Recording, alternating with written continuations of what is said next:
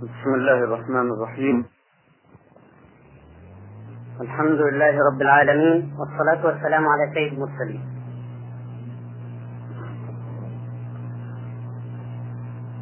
استمرارا لحديثنا في التربية الإسلامية.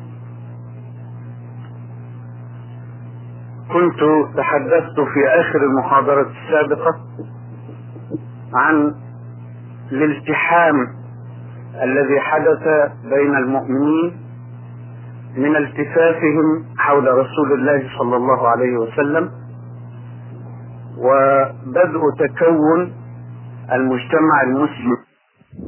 من هذا التلاحم الأخوي الذي تصل فيه الأخوة إلى أخوة الإيمان إلى أبعد من قرابة الدم صلة وثيقة لا تنفصل صلة تؤدي إلى أن يؤثر المؤمنون على أنفسهم لأنهم تربوا في ظل الأفق الأعلى للإسلام. من هذه النقطة أبدأ محاضرتي هذه الليلة في هذا الالتحام الذي كون ذلك المجتمع الفريد في التاريخ الذي لم يكن له مثيل من قبل ولا يمكن أن يكون له مثيل في غير الإسلام. ما الذي جمع هذه القلوب وما الذي يمنع تجمع القلوب على هذه الصورة في الجاهليات لماذا سهل على هؤلاء المؤمنين الذين تربوا بلا إله إلا الله أن تلتحم أرواحهم وقلوبهم وأن يكونوا كما حدث عنهم رسول الله صلى الله عليه وسلم كمثل الجسد الواحد إذا أصابه إذا أصابت إذا اشتكى منه عضو تداعى له سائر الجسد بالحمى والسهر. كيف تكون هذا المجتمع بهذا الترابط اللصيق؟ ولماذا تفشل المجتمعات الجاهلية في الوصول إلى مثل هذا الترابط؟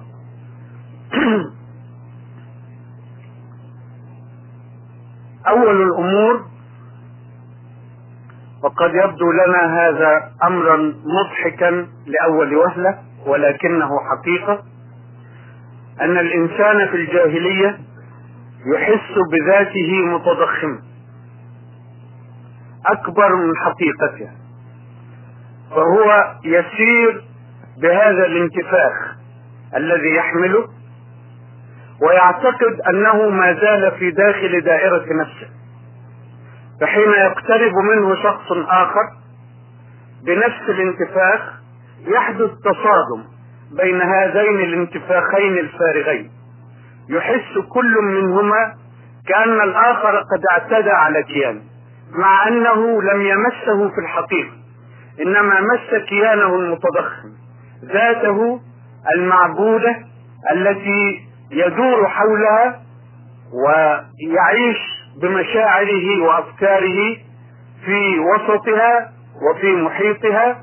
هذه الذات المتضخمة هي التي تحس بالاصطدام مع الذوات الأخرى التي تشبهها في نفس القصير فقبل أن يعتدي عليه إنسان يحس أنه اعتدى عليه بالفعل. يحس أن كرامته أو ملكه أو مشاعره قد مست فيثور فينفعل فيمنع هذا التلاحم اللصيق بين الأرواح وبين القلوب. لكن في الجو الإيماني لا تحدث هذه الظاهرة لأن الناس الذين تربوا بلا إله إلا الله الذين يعيشون في ظل الإيمان وبالإيمان ويعملون لله لا يحسون بهذا الانتفاخ الكاذب. الذي أساسه الكبر وعبادة الذات. وصدق رسول الله صلى الله عليه وسلم وهو يربي المؤمنين حين يقول لهم لا يدخل الجنة من كان في قلبه مثقال ذرة من كبر. مثقال الذرة من الكبر تمنع من دخول الجنة. هذه حقيقة حقيقة ربانية وهي كذلك حقيقة تربوية. ربى بها رسول الله صلى الله عليه وسلم ذلك الجيل الفريد الذي رباه خرج من ذات نفسه خرج من عبادة ذاته لماذا؟ لأنه يعبد الله حق عبادته فلا يضيف إلى عبادتها لا يشرك مع عبادة الله عبادة ذاته أو عبادة أهوائه أو عبادة مصلحته أو عبادة أي شيء من تلك المعبودات الجاهلية التي تنتفخ بالذات عن حجمها الحقيقي فيحدث التصادم والتصارع بدلا من الإخاء هل معنى ذلك أن الجاهلية لا تعرف الإخاء أبدا؟ كلا إنها تعرفه ولكنها تعرفه في النطاق المحدود الذي تحدثنا عنه في المرة الماضية نطاق المصالح المؤقتة. حين توجد مصلحة يوجد التصاق ولكنه التصاق وقتي ليس الالتحام الذي يصنعه الإيمان إنما هو التصاق آه، بان كل واحد من الأطراف يرى مصلحته المؤقتة في هذا الالتصاق أو هذا التآخي أو هذا التصادق فتحدث الصداقة المؤقتة ولكنها لا تصل ابدا إلى إذابة ذلك الحاجز وهو الذات المعبودة التي يصد بها كل إنسان الإنسان الآخر يصده عن التلاحم يصده عن الإخاء الحقيقي يصده عن التلاقي الداخلي الذي يصل المشاعر بالمشاعر ويصل الروح بالروح ويصل القلب بالقلب. أمر آخر أعان ذلك المجتمع أو هذه الجماعة المؤمنة على الالتحام على التصاق المشاعر وتداخلها. بالإضافة إلى الجو الذي رباهم فيه رسول الله صلى الله عليه وسلم والتحموا حوله والتفوا قبل ذلك وفي أثناء ذلك وبعد ذلك أنهم عباد لله. والذي يشعر أنه عبد لله هذه العقيدة هذه الفكرة تعيش معه تعيش في داخل قلبه لا تزايله له سمت معين له جاذبية والجاذبية تصنع الالتحام. أرأيت إلى قطعة الحديد الممرنطة؟ أرأيت إليها حين تجذب قطعة أخرى من الحديد؟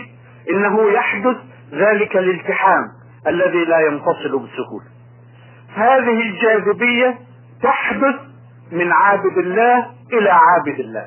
حين يخلص في عبادته لله يحيط به ذلك الجو الروحاني ذلك الجو الشفيف الذي يشبه المغناطيسية التي تجتذب إليها القلوب وتنجذب هي إلى القلوب. إن هذا الجو جو التجاذب لا يحدث إلا في ظل الإيمان. يحدث من شعور كل إنسان بعبوديته الحقة لله العبودية الكاملة التي لا تدع في النفس مجالا لعبودية أخرى ولا لمشغلة أخرى غير عبادة الله. وعبادة الله في الإسلام شيء ضخم جدا.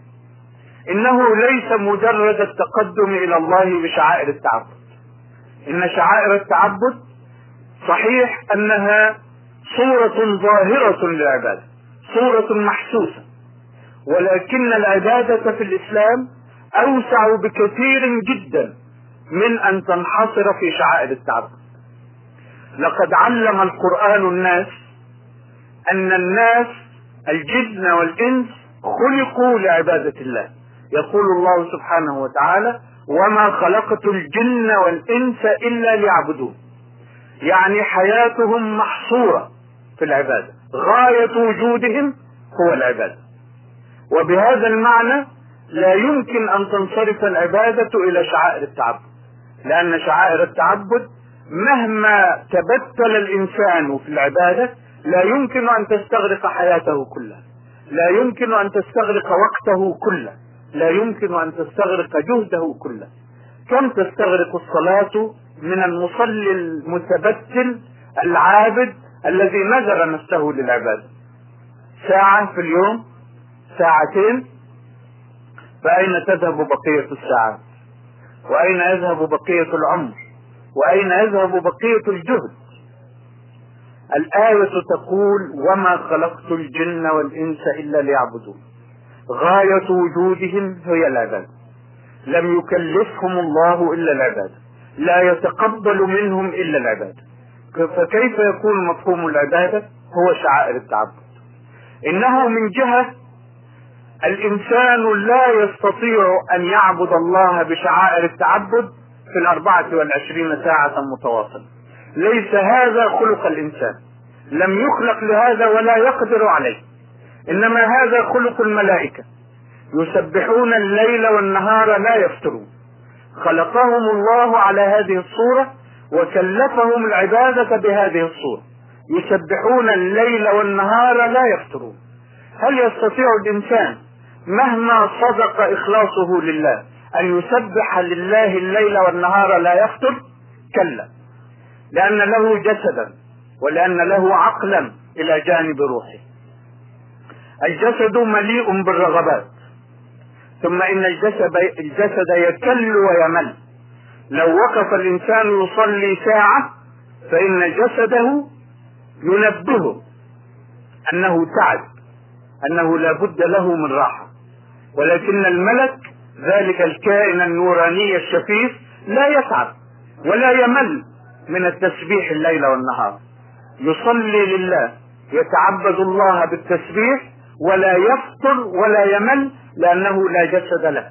لكن الإنسان بتكوينه الجسدي ذي الشهوات ذي الرغبات الذي يحتاج إلى طعام وشراب ويحتاج إلى راحة ويحتاج إلى نوم لا يستطيع أن يسبح الليل والنهار لا يفطر. وللإنسان عقل. وهذا العقل دائم الانشغال. منشغل بأمور الحياة الدنيا منشغل بالكون المادي مشتغل بحب المعرفة مشتغل بالرغبة في تسخير طاقات الكون لأنها مسخرة له من عند الله وسخر لكم ما في السماوات وما في الأرض جميعا منه. هي مسخرة للإنسان ولكنها تحتاج لتحقيق ذلك التسخير في عالم الواقع إلى جهد يبذله الإنسان ببدنه وبعقله. فهذا العقل يفكر وهو مشغول والجسد له مطالب. فكيف يستطيع الإنسان أن يسبح الليل والنهار لا يفطر وأن يتعبد الله بشعائر التعبد الليل والنهار؟ كلا لا يستطيع. والله لم يطلب منه ذلك لأنه لم يخلقه على صورة الملائكة. ولو شاء سبحانه لخلقه على صورة الملائكة ولكلفه صورة العبادة التي كلف بها الملائكة. لكنه خلقه لغاية أخرى. خلقه ليكون خليفة في الأرض. وركبه تركيبا مختلفا عن الملك. جعل له إلى جانب روحه جسدا وعقلا. وجعل للجسد مطالب وللعقل مطالب إلى جانب مطالب الروح. لذلك لم يكلفه سبحانه وتعالى أن يتعبده على طريقة الملك. الملك لم يشأ سبحانه أن يكلفه بأن يسبحه الليل والنهار لا يفتر. لكنه في ذات الوقت يقول سبحانه وتعالى وما خلقت الجن والإنس إلا ليعبدون كيف نفسر ما يبدو لنا لأول وهلة تناقضا ظاهريا وحاشا لكلام الله أن يقع فيه التناقض.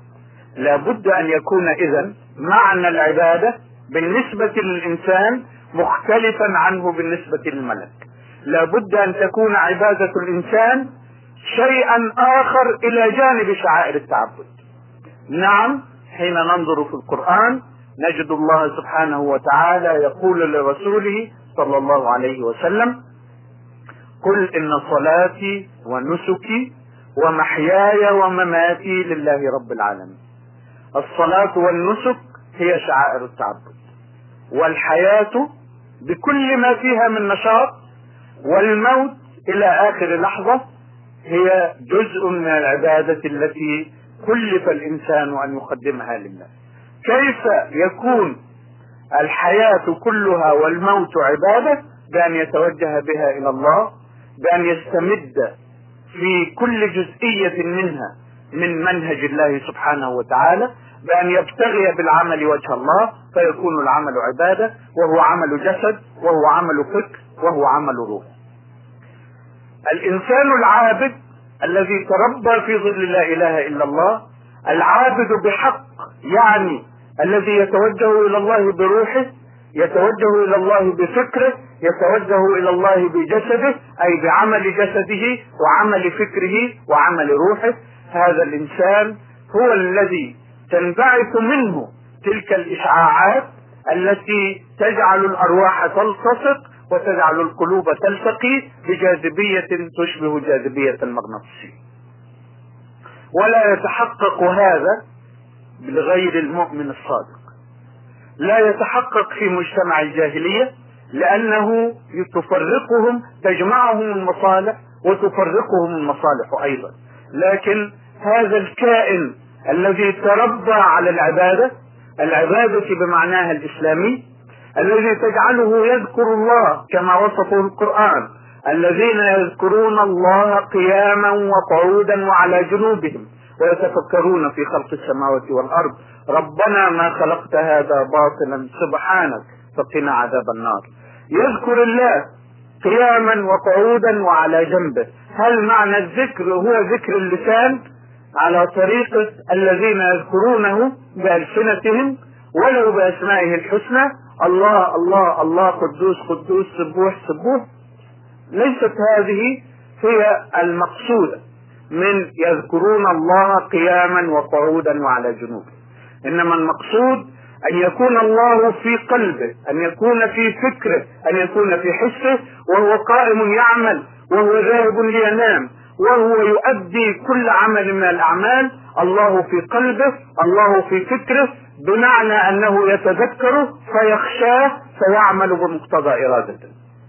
هذا الكائن الذي يتربى على هذه الصورة هو الذي يستطيع في يسر أن يلتقي بأخيه فتتجاذب الأرواح وتلتقي القلوب. ويحدث هذا المجتمع المتلاحم الذي لا مثيل له ولا يمكن أن يكون له مثيل إلا في ظل الإيمان. أمر آخر من الأمور التي أعانت على تكوين تلك الجماعة الفريدة وذلك المجتمع الفريد. أمر مشهود نعرفه ونلاحظه بالتجربة بالمشاهدة أنه كلما ارتفع أفق الإنسان قل إحساسه المبالغ فيه بذاتيته.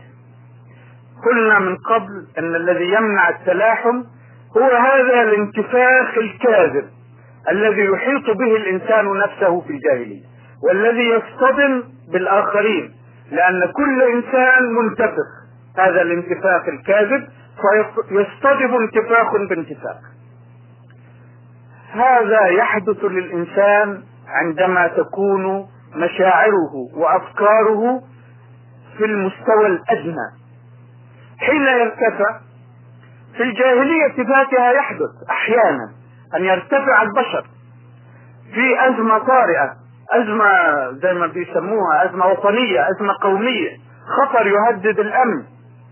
تجد الناس يرتفعون على ذواتهم مؤقتا. حين يرتفعون على ذواتهم يقل هذا الانتفاخ لو كان هنا سبورة كنت أريد أن أرسم لكم صورة. صورة قزم ضئيل منتفخ لأنه هكذا تكور فانتفخ. لو جعلته إلى أعلى يدخل هذا الانتفاخ الظاهري يدخل لأنه يرتفع إلى أعلى. لكن يعود فيقصر فينتفخ. هكذا في الجاهلية قد يرتفع الناس أحيانا. حين تصيبهم أزمة مشتركة تهدد امنهم جميعا أو تخص مصالحهم جميعا يرتفعون. يرتفعون مؤقتا في شعور وطني أو شعور قومي أو ما يسمونه الصالح العام. يحدث لهم هذا التمدد إلى أعلى الذي يزيل هذا الانتفاخ فيحدث بينهم تلاق مؤقت أو التحام مؤقت. يحدث هذا في الأزمات التي تصيب الناس في الجاهلية. لكن بمجرد ما تنتهي الأزمة يعود. بفكره الأرض فيهبط فيتكور. وينتفخ ويتمركز حول ذاته فيذهب ذلك اللقاء العارض ويعود كل فرد يعبد ذاته يقدس ذاته فيصطدم بالذوات الأخرى المقدسة. التربية الإسلامية التربية بلا إله إلا الله التربية في ظل العبودية الحقة لله تجعل الإنسان في هذا الأفق الأعلى على الدوام. لا يهبط. وإن هبط يعود فيرتفع. الإنسان الذي لا يهبط ابدا لا وجود له في غير المعصومين عليهم رضوان عليهم صلوات الله وسلامه. لكن البشر العاديين عرضة دائما للهبوط. لكن هبوط المؤمن هبوط مؤقت. يعود بعده فيرتفع. كما قلت في المرة الماضية والذين إذا فعلوا فاحشة أو ظلموا أنفسهم ذكروا الله فاستغفروا لذنوبهم ومن يغفر الذنوب إلا الله ولم يصروا على ما فعلوا وهم يعلمون. هذا هذه العودة إلى الله تذكر الله بعد الهبوط يعود فيرفعه مرة أخرى. يرتفع إلى الأفق الأعلى. لقد رأينا في الجاهلية حين يرتفع الناس بشعور وطني أو شعور قومي أو بمصلحة مشتركة كيف يتغلبون على ذواتهم ولو مؤقتا فيرتفعون إلى أفق يستطيعون أن يتلاقوا فيه. هذا وهم يعيشون في محيط الأرض وفي محيط المشاعر المصالح القريب. تصور معي ذلك المجتمع الذي لا تنحصر آفاقه في الحياة الدنيا ولا تشغله مصالحه الذاتية إلا بقدر. ولكنه مهموم دائما مهتم دائما بالأمور العليا مهتم دائما بإقامة المنهج الرباني في الأرض مهتم دائما بإزالة الظلم والبغي من الأرض مهتم دائما بإحقاق الحق في الحياة الدنيا مهتم دائما بإزالة الشرك والكفر وتوصيل الخير والنور للناس الذين لم يصل إليهم الخير والنور. مهتم فوق ذلك كله بما هو أبعد وما هو أعلى وما هو أرقى من الحياة الدنيا كلها حتى على مستواه الأعلى. ذلك هو نعيم الاخره الإنسان الذي هذه اهتماماته هذه هي المطالب التي يعيش من أجلها. كيف يعود فيهبط فيتكور فينتفخ مثل إنسان الجاهلية. كلا إن هناك شيئا يجذبه دائما إلى اعلى الناس في جاهليتهم تجذبهم ثقلة الأرض فيهبطون. أما هذا الذي يعيش في ظل الإيمان يعيش بلا إله إلا الله يعيش من أجل لا إله إلا الله فإن الذي يجذبه هي الأمور العليا. هناك جاذبية عليا تجذبه. هل معنى هذا أنه تخلص من ثقلة الأرض؟ أنه أصبح ملكا يطير بجناحيه؟ كلا لم يطالب الله الإنسان أن يكون ملكا. ولو شاء لخلقه ملكا من بادئ الأمر. إنما هو بشر وثقلة الأرض تشده إلى أسفل ولكنه يتوازن. بهذه الجاذبية العليا يزن يتوازن. فلا تشده الثقلة الدنيا إلى اسفل فينسى ربه إنما هو على توازنه هذا بين ثقلة الأرض وبين جذب الآخرة يعيش في أفقه الأعلى الذي خلقه الله فيه لقد خلقنا الإنسان في أحسن تقويم. هكذا يكون في أحسن تقويم. ببشريته الكاملة. بمشاغله الأرضية. بل إن الله لا يقبل منه أن يترك مشاغل الأرض. لا رهبانية في الإسلام. وتعرفون قصة الرهط الذين ذهبوا إلى بيت من بيوت رسول الله صلى الله عليه وسلم. أظنه بيت عائشة رضي الله عنها. فسألوا عن عبادته صلى الله عليه وسلم. فلما أخبروا كأنهم تقالوها. يعني رأوها قليلة في أنظارهم. فقال أحدهم أما أنا فأصوم الليل ولا أفطر. وقال الآخر وأما وأصوم الدهر ولا أفطر. وقال الآخر وأما أنا فأقوم الليل ولا أنام. وقال الثالث وأما أنا فلا أتزوج النساء. فلما أخبر رسول الله صلى الله عليه وسلم جاء بهم أو لقيهم فقال أنتم الذين قلتم كذا وكذا أما والله إني لأتقاكم لله. وفي رواية أما والله إني لأعبدكم لله ولكني أصوم وأفطر وأقوم وأنام وأتزوج النساء فمن رغب عن سنتي فليس مني. نعم الإسلام لا يكلف الناس لا يقتلع الناس من الأرض ليطيروا في الأفق الأعلى كلا إنما يريد منهم فقط ألا يهبطوا بثقلة الأرض فينقطعوا عن السماء. إنما هكذا الإنسان في أحسن تقويم يقوم بعمله في الحياة الدنيا يلبي رغباته التي خلقها الله فيه لتؤدي مهمة معينة في دور الخلافة في الأرض وفي الوقت ذاته لا ينكب بوجهه إلى أسفل. إنما وجهه أقم وجهك. أقم يعني يعني استقم لكن أقم فيها إيحاء بأن يرفع الوجه نحو الله أن تذكر الآخرة. فلا تهبط ثقلة الأرض بالإنسان. وبهذه الصورة التي يربيها يربيه عليها الإسلام مشغول بالآفاق العليا. في ذات الوقت الذي يتزوج ويأكل ويشرب وينام ويلبي مطالب الجسد عبادة لله لأنه لو خالف ذلك لكان مخالفا لأمر الله. في الوقت ذاته فإنه مشغول بتلك الآفاق العليا مشغول بالجهاد في سبيل الله. مشغول بإحقاق الحق. مشغول بالأمر بالمعروف والنهي عن المنكر. وأول المنكر الشرك بالله. أكبر المناكر الشرك بالله. وأول المعروف معرفة الله سبحانه وتعالى. فهو مشغول دائما. مشغول بنشر الدعوة. مشغول بإنارة القلوب والعقول. مشغول بتوصيل هذا النور الرباني هذه النعمة التي أحسها التي عرف قيمتها. اليوم أكملت لكم دينكم وأتممت عليكم نعمتي. ورضيت لكم الإسلام دينا. هذه النعمة الربانية التي هي الإسلام التي عرفها وتذوقها وعرف مقدارها ومقدار سموها ورفعتها هو مشغول بتوصيلها للآخرين.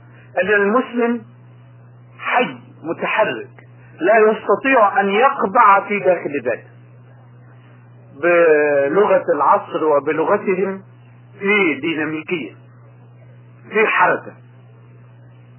ليست فيه سلبية ليس فيه سكون لا يستطيع أن يسكن. ما دام عرف الحق فهذا الحق يوجه للحركة. أي حركة؟ نشر هذا النور في الأرض نشر هذا الحق في الأرض. هذه هي الحركة الدائبة التي يعيش فيها المسلم. وحركة الصراع بين الحق والباطل. ولولا دفع الله الناس بعضهم ببعض لفسدت الأرض. ولولا دفع الله الناس بعضهم ببعض لهدمت صوامع وبيع وصلوات ومساجد يذكر فيها اسم الله كثيرا. هذا التدافع الدائم هو ديدا المؤمن. لا يستطيع أن يقرع في داخل نفسه لا يستطيع أن يقول آمنت وانتهى الأمر. ليس لست مكلفا بشيء إلا أن أقوم ذاتي. كلا ليس هذا شأن المؤمن. أو على أقل تقدير نقول ليس هذا شأن المؤمن في هذه الأمة. التي جعلت رسالتها نشر النور في كل الأرض. وكذلك جعلناكم أمة وسطا لتكونوا شهداء على الناس على كل الناس ويكون الرسول عليكم شهيدا. هذا الانشغال بعظائم الأمور والرسول عليه الصلاة والسلام يوجه المؤمنين فيقول إن الله يحب عظائم الأمور ويكره سفسافها يكره الدناية يكره الانكباب على المتاع الأرضي الضائع التافه يكره أن أن يفسد الإنسان استقامته فيكب بوجهه. وده تعبير القرآن. آه من فمن كان آه مكبا على وجهه. أهدى افمن يمشي مكبا على وجهه أهدى. مكب على وجهه. كيف مكب على وجهه؟ هو بيمشي كده؟ مش المقصود طبعا الصورة الحسية إنما المقصود أن اهتماماته كلها ذلك الامتداد الروحي الذي وصل إلى قمته الفريدة في ذلك المجتمع الأول والذي يمارسه البشر كلما عادوا إلى المعين ذاته كلما عادوا إلى ذات المعين كلما تزودوا من هذا الذات كلما أرادوا وأحبوا أن يعيشوا على مستوى الإيمان توجد بينهم تلك الأخوة أخوة التلاصق أخوة الامتداد التي تمتزج فيها الأرواح وتذوب فيها الذوات لأن الإنسان لا يعيش في ذاته لا يعبد ذاته لا يقدس ذاته إنما يعبد الله ويقدس الله. فتحدث هذه المعجزة أو ما يشبه المعجزة أن يتلاحم المؤمنون ويكونون جسدا واحدا. إذا سمح لي أن أخرج قليلا من دائرة المكان والزمان وأعود بذاكرتي إلى تجربة عشناها. عشناها في محنة قاسية محنة من أجل لا إله إلا الله. عشنا في العذاب عشنا في الاعتقال فترة من حياتنا. وتمثلنا تلك المعاني الإيمانية لأنه بقدر من الله وبرحمة منه أراد أن يطهر نفوسنا فترة من الوقت في ذلك الابتلاء. أراد أن يرفع أرواحنا. أراد أن نعيش له فترة من الوقت. ورأيت كيف يعيش المؤمنون بأخوة الإيمان. أذكر لكم وقائع لا لأثير مشاعركم ولكن لأصف لكم كيف تفعل التربية الإيمانية في قلوب المؤمنين. كيف تصنع في رفع أرواحهم في صنع هذا التلاحم الذي لا يحدث إلا في ظل الإيمان. عشنا فترة من الوقت فيما هو أسوأ من محاكم التفتيش. وهي أسوأ أنواع التعذيب الذي عرفته البشرية في التاريخ. ومحاكم التفتيش إذا لم تكونوا تعلمون ابتدعت في اسبانيا لاقتلاع الإسلام من الأندلس. فكانت تصنع من وسائل التعذيب ما لا طاقة لبدن أن يحتمله لكي يخرج الناس من الإسلام. وفي مثل ما كانت تصنعه محاكم التفتيش عشنا فترة من الوقت. من أبسط أنواع التعذيب لا يسمى تعذيبا ولكنه يعني لأنه يجري كل يوم. كنا نعيش في سجن مكون من ثلاث من ثلاثة طوابق. وكنا لا أذكر العدد الآن لكنه يعد بالألوف. وكان الزبانية الذين يقومون بمهمة التعذيب في وسطنا ليل نهار يعطوننا هذه التعليمات. صفارة تكون في الحوش في أسفل. واللي يتأخر عشر كرابيط وكانوا ينفذون هذا بالفعل. لم يكن تهديدا أجوى.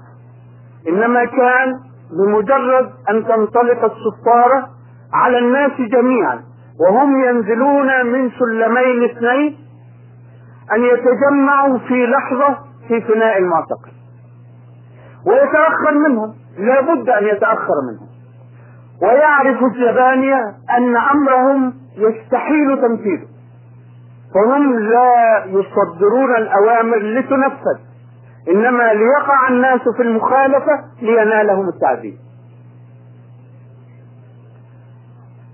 في تلك الثواني المشحونة مشحونة عصبيا كل إنسان يريد أن يهبط سواء كان في الدور الأول أو الثاني أو الثالث يريد أن يتجمع في الفناء في ثواني لكي لا ينال جسده الصوت. الذي يهوي بلدع كالنار. كل إنسان يريد أن يتجنب ذلك. فهو يجري بطاقته كلها ليدرك مكانا في الفناء. ولا بد أن يكون هناك ضعفاء. ولا بد أن يكون هناك متأخرون. فكيف كان يحدث؟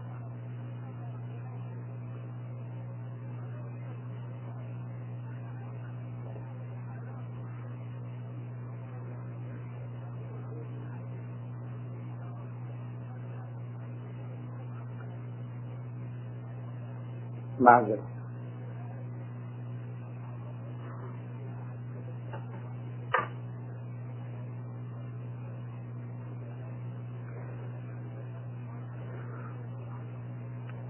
في أي مجتمع جاهلي ماذا كنتم تتوقعون؟ لا بد أن يتدافع الناس. لا بد أن يزيح بعضهم بعضا ليصلوا إلى المكان المطلوب. لكن الذي كان يحدث في تلك الشدة في تلك المحنة وكنت أراه يوميا أن يفسح بعض الإخوة الطريق للضعفاء للذين لا يستطيعون للذين لا يحتملون. لدع الصوت فيفسحون لهم الطريق وينالهم هم ينالهم. هذا لون. من ألوان الأخوة التي لا توجد إلا في ظل الإيمان. لا توجد إلا في ظل التربية التي تربى فيها الناس على لا إله إلا الله.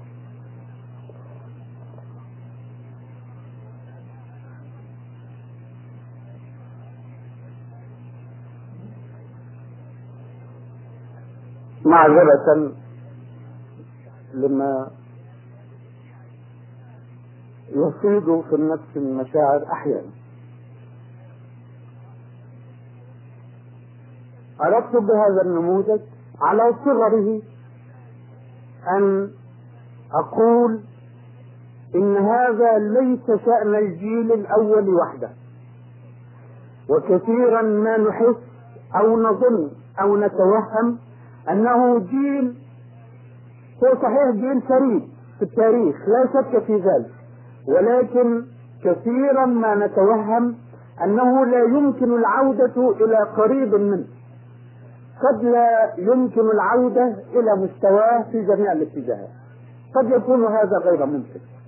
أما أن نظن أو نتوهم أنها مرة عابرة في التاريخ غير قابلة للإعادة بأي شكل من الأشكال فهذا وهم هو الذي أردت أن أصححه. المسلمون في أي وقت يستطيعون.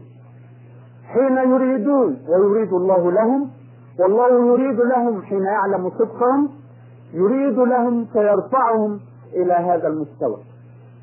وهو هين على المؤمنين. هذه الصورة وغيرها التي قد ترونها غريبة قد ترونها أعلى من البشر العاديين هي عادية جدا في مجتمع الإيمان. هي وأعلى منها وأعلى منها شيء يحدث ويحدث كل يوم ويحدث لا ابتغاء أجر ولا ابتغاء شكر إنما يحدث لمرضاة الله. لأن المؤمن يعمل عمله كله لمرضاة الله. وعندئذ تحدث تلك العجائب التي لا تحدث إلا في المجتمع الإيماني الذي يتربى على لا إله إلا الله. توجيهات القرآن طبعا وتوجيهات الرسول عليه الصلاة والسلام كثيرة جدا في هذا الإخاء من توجيهات القرآن. وسارعوا إلى مغفرة من ربكم وجنة عرضها السماوات والأرض أعدت للمتقين الذين ينفقون في السراء والضراء والكاظمين الغيظ والعافين عن الناس. هذا عنصر من عناصر التلاحم. الذي يحدث أو يحدث الالتقاء الروحي بين المؤمنين والكاظمين الغيظ والعافين عن الناس. حقيقة إن للقرآن وسيلة للتربية لا تفرض الشيء فرضا إنما تحبب فيه. الإسلام يفرض الحد الأدنى الذي لا تستقيم الحياة بدونه ولكن الوسيلة التربوية التي يستخدمها الإسلام بعد الحد الأدنى أن يجعله تطوعا يجعله استحبابا يحبب فيه يرسم في صورة مشرقة فيحبه الناس فيفعلونه يأتونه لمرضاة الله. انظر هذه الآية إنها لا تفرض كظم الغيظ ولا تفرض العفو عن الناس لا تفرضه فرضا بحيث يعاقب الإنسان إذا لم يقم به. لكنها تحدث فيه. وسارعوا إلى مغفرة من ربكم. انظر إلى مقدمة الآية. سارعوا إلى مغفرة. يذكره بأن الله يغفر له وهو مذنب. وسارعوا إلى مغفرة من ربكم. فاعفوا عن أخيك. اغفر لأخيك. لأن الله يغفر له وسارعوا إلى مغفرة من ربكم. وجنة عرضها السماوات والأرض. أعدت للمتقين. من هم المتقون؟ الذين يدعو الله الناس أن يسارعوا للدخول في مغفرته. أولئك هم المتقون هم الذين ينفقون في السراء والضراء والذين يكظمون الغيظ والذين يعفون عن الناس. وهذا الخلق خلق العفو عن الناس من أجمل الأخلاق الإسلامية التي يربي الإسلام عليها المؤمنين ليعيشوا في هذا التلاحم الروحي. كل البشر يخطئون. ويخطئ بعضهم في حق بعض.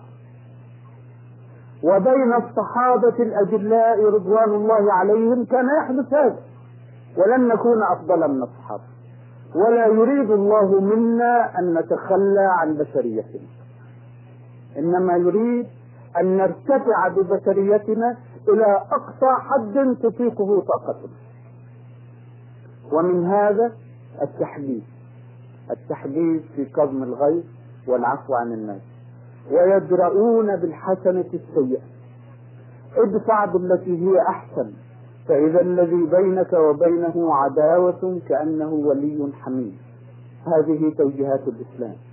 ولقد فعلت هذه التوجيهات فعل السحر في القلوب. حين يسيء إليك أخوك فتعفو عنه كيف يكون موقفه؟ هل يلج في الإساءة؟ كلا. ما دام أخا صادق الإيمان فلن يلج في الإساءة. إنما يخجله عفوك. يشعره بذنبه. يشعره مضاعفا. لأنه يتوقع منك أن ترد السيئة بالسيئة. فإذا أنت قابلته درأت السيئة بالحسنة وقابلته بالعفو فإن هذا يخجله فيعود فيعتذر إليه ولقد وقع من بعض الصحابة لبعضهم من بعضهم لبعضهم عدوان. أبو ذر رضي الله عنه وهو في القمة من صحابة رسول الله صلى الله عليه وسلم هفى هفوة. وقال لأخيه بلال يا ابن السوداء بقية من بقايا الجاهلية كانت فينا. فسمع رسول الله صلى الله عليه وسلم بذلك. فقال له أنت امرؤ فيك جاهلي نعم إنه من الصحابة ومن أجلة الصحابة. ولكن بقايا رواسب الجاهلية مسألة أبيض وأسود كانت ما تزال في قلبه لم يغسلها لم تغسلها التربية الإسلامية غسلا كاملا. ما زال التربية تغسل. لكن هناك رواسب. ما زال بقية منها في نفس ذلك الصحابي الجديد. فتتوه بهذه الكلمة لأخيه بلال ولكن والذين إذا فعلوا فاحشة أو ظلموا أنفسهم ذكروا الله فاستغفروا لذنوبهم. حين قال له رسول الله صلى الله عليه وسلم أنت امرؤ فيك جاهلي ماذا فعل؟ كيف لمست هذه الكلمة قلبه وروحه. ذهب إلى بلال رضي الله عنه فوضع خده في الأرض وقال لبلال طأ خدي بنعلك. هذا أثر التربية القرآنية. هكذا ارتفعت هذه الكلمة هذا التوجيه من رسول الله صلى الله عليه وسلم ارتفع بأبي ذر في لحظة فذابت كل رواتب الجاهلية. بل أكثر من ذلك. نسي قضية الأبيض والأسود. ما عاد له وجود في حسه. بل أكثر من ذلك راح بتواضع الإيمان بذلة المؤمن لأخيه أذلة على المؤمنين. راح يقول لبلال طأ طأ خدك بنعلك طأ خدي بنعلك. وهكذا انغسل ما في قلب أبي ذر من بقايا رواسب الجاهلية وانغسل ما في قلب بلال من غضب رضي الله عنهما وكان في القمة. هذه سبحانه وتعالى هو الذي يبتلي المؤمنين يربيهم بالابتلاء. الابتلاء في لا إله إلا الله. الابتلاء في العقيدة. يقول الله سبحانه وتعالى بسم الله الرحمن الرحيم ألف لام ميم. أحسب الناس أن يتركوا أن يقولوا آمنا وهم لا يفتنون ولقد فتنا الذين من قبلهم فلا يعلمن الله الذين صدقوا ولا يعلمن الكاذبين. كلمة فتن في أصلها اللغوي فتن الذهب والفضة يعني صهرهما على النار لينفي منهما الغبش. ده المعنى الأصلي للفتنة والفتنة التي يقع فيها البشر هي مجاز وحقيقة على كلمة فتنة. هي نار يدخلون فيها. كما يدخل الذهب والفضة النار لينقى. يدخل هذا العذاب هذا الابتلاء هذه النار. رحمة من الله لا نقمة. حاشا لله أن ينقم على عباده المؤمنين وهم عباده إنما يستطيع يستطيعهم على هذا النحو. يعلم الله سبحانه وتعالى أنه لا ينفي الخبث شيء مثل الابتلاء. فيبتلي عباده يبتليهم ليطهرهم من الخبث. وليمحص الله الذين آمنوا. ويمحق الكافرين. ترتيب في الآية مقصود. يجيء محق الكافرين بعد تمحيص المؤمنين. التمحيص يحدث اولا وبالمؤمنين الممحصين هؤلاء يتم محق الكافرين.